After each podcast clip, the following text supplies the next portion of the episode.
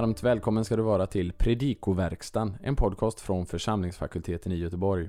Daniel Johansson går alldeles strax igenom kommande söndags evangelietext. Men innan det, du har väl inte missat att det går att studera teologi i Göteborg på församlingsfakulteten?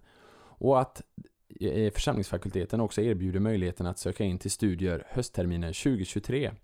Det går att studera på helfart eller deltid, heltid eller deltid som man säger, men också på distans om du inte har möjlighet att bo i Göteborg.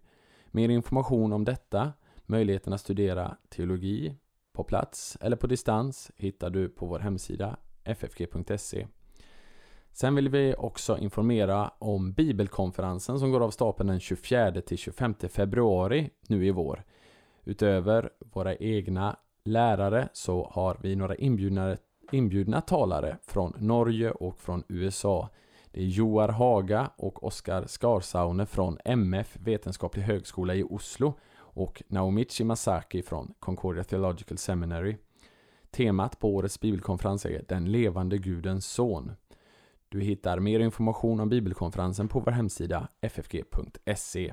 Men nu, en genomgång av kommande söndags evangelietext. Vi önskar dig god lyssning. Tredje årgångens evangelium för första söndagen i fastan kommer från Markus 1, vers 12 till 13 och omfattar alltså bara två verser. Jämfört med Matteus och Lukas berättelse om vad som skedde med Jesus efter dopet är Markus minst sagt kortfattad. I en enda mening nämner han fyra saker. Att Jesus var i öknen i 40 dagar. Att han frestades av Satan. Att han var med vilddjuren. Och att änglar betjänade honom. Det är allt.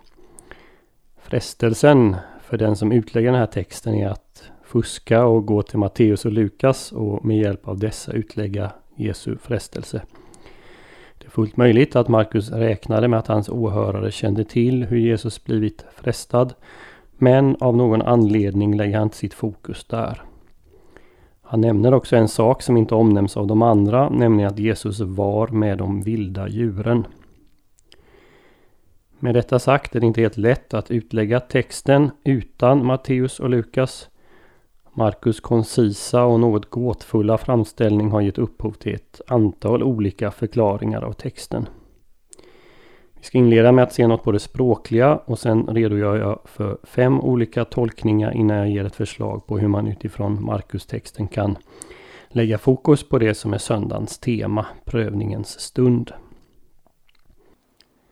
Det föreligger inga egentliga svårigheter att översätta de två verserna. Likväl finns det en del att kommentera. I vers 12 noterar vi att Markus för andra gången använder sitt lilla favoritord evthys, genast. Första gången är i vers 10.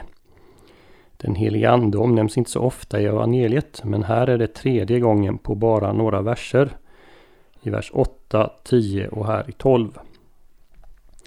När man jämför Markus med de andra synoptikerna sticker också verbet ekballej ut, kasta ut. Markus säger att anden kastar ut Jesus i öknen medan de andra säger att anden leder Jesus. Verbet aggo, leda, används. Varken Bibel 2000 eller Folkbibeln översätter med kasta ut. Marcus använder oftast verbet ekballo i samband med utdrivning av onda andar som i 1.34 och 39 och andra ställen. Och även när han använder verbet i andra sammanhang så associeras det med styrka eller våld. Till exempel i 5.40 och 12.8. Så även om verbet ekballo enligt det stora lexikonet BAGD inte alltid har betydelsen att flytta någon med våld tycks det ändå vara så Marcus använder det. Det finns något våldsamt tvingande över förflyttningen hos Marcus medan Matteus och Lukas använder, väljer ett mildare verb. Platsen, öknen eller vildmarken är också något Markus framhäver. Han nämner det två gånger i slutet på vers 12 och i början av vers 13. Syntaxen i inledningen till vers 13 kan förstås på två sätt. Verbet en, var, kan tillsammans med participet peiratso menos presens, passivum particip av peiratso, fresta. Eh, tillsammans kan de här bilda en så kallad perifrastisk konstruktion. där verbet vara i olika tempus står tillsammans med ett presens eller perfekt particip. Verbet vara är imperfekt som här plus presensparticip motsvarar ett imperfekt. I så fall bör vi översätta och han blev frestad av Satan i öknen under 40 dagar.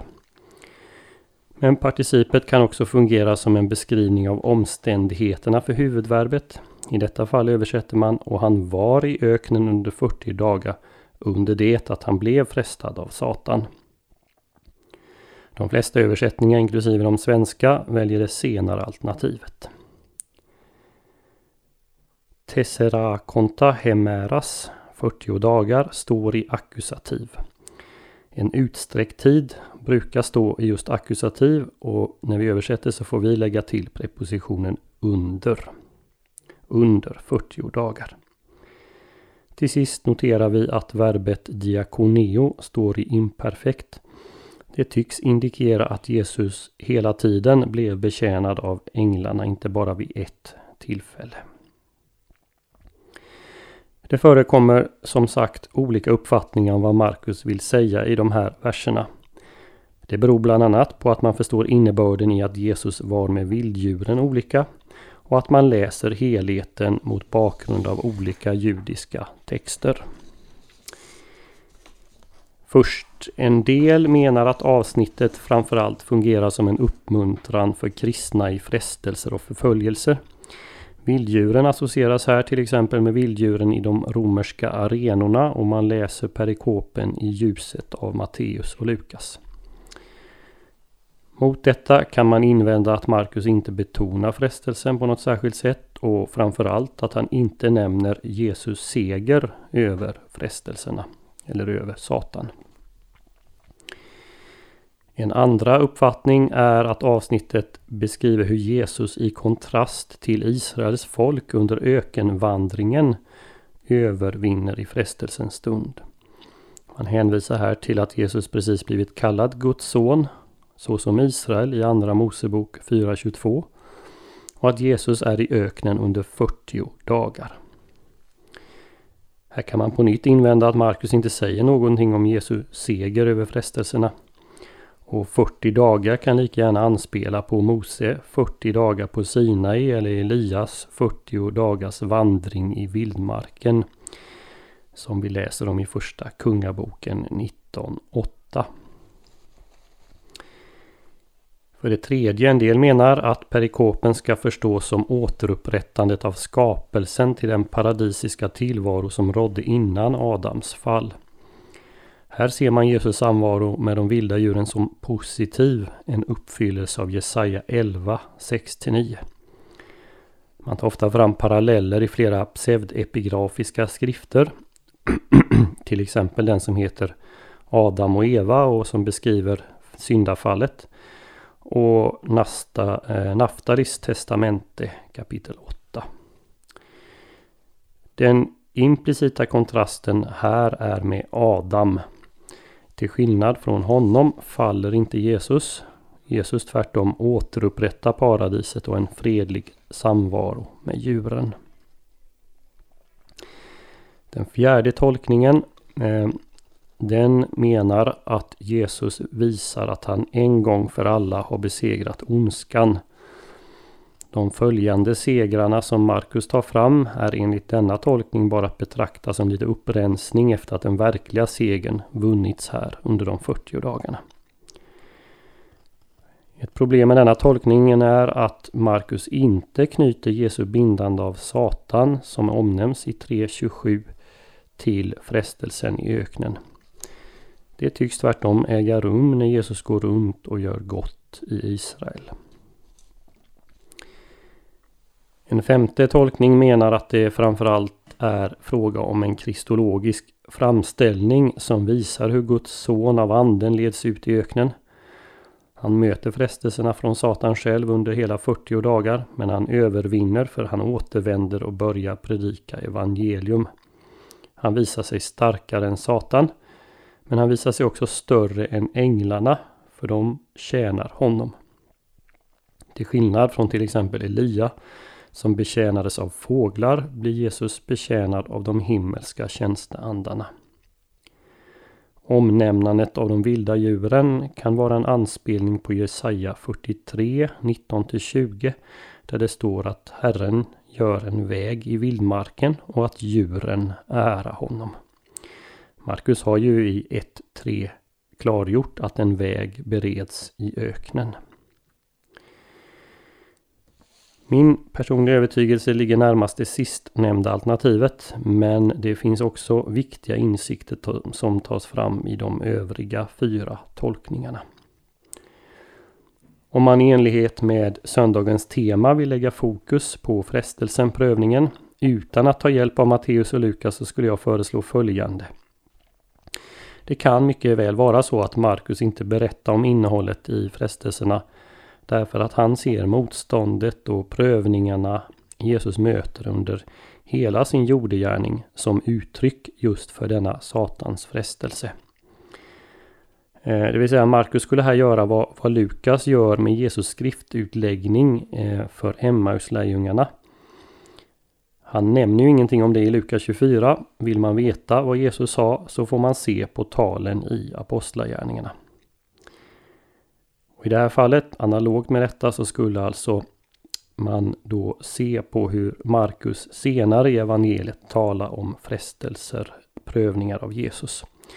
Då är det så att verbet fresta, det finns på tre andra ställen i 8, 11, 10, 2 och 12, 15. Och dessutom nämn, används substantivet frestelse en gång i 1438. Lägger vi det till de här ställena också de gånger namnet Satan används så har vi nog i praktiken täckt in frestelserna som nämns hos Matteus och Lukas. I 3.23 och framåt så ges en närmare beskrivning om vad utdrivandet av onda andar innebär. Det innebär ett bindande av Satan. Det är Jesu närkamp med den onde. Till detta kommer 4.15 där Satan tar bort Guds ord och 8.33 där Petrus frestar Jesus att inte gå lidandets väg mot Jerusalem. Vi hoppas att denna genomgång får bli till hjälp och välsignelse för dig som har lyssnat. På vår hemsida www.ffg.se kan du hitta information om hur du kan stödja fakultetens arbete, som till exempel den här podcasten. Ett sätt att stödja är att skänka en gåva genom Swish. Församlingsfakultetens Swish-nummer är 123 100 84 57. Alltså 123 100 84 57. Mottagaren som anges är Peter Isak Bens utbildningsstiftelse. Märk gärna gåvan FFG Podcast om du vill stötta just denna podden. Så önskar vi allt gott och Guds välsignelse.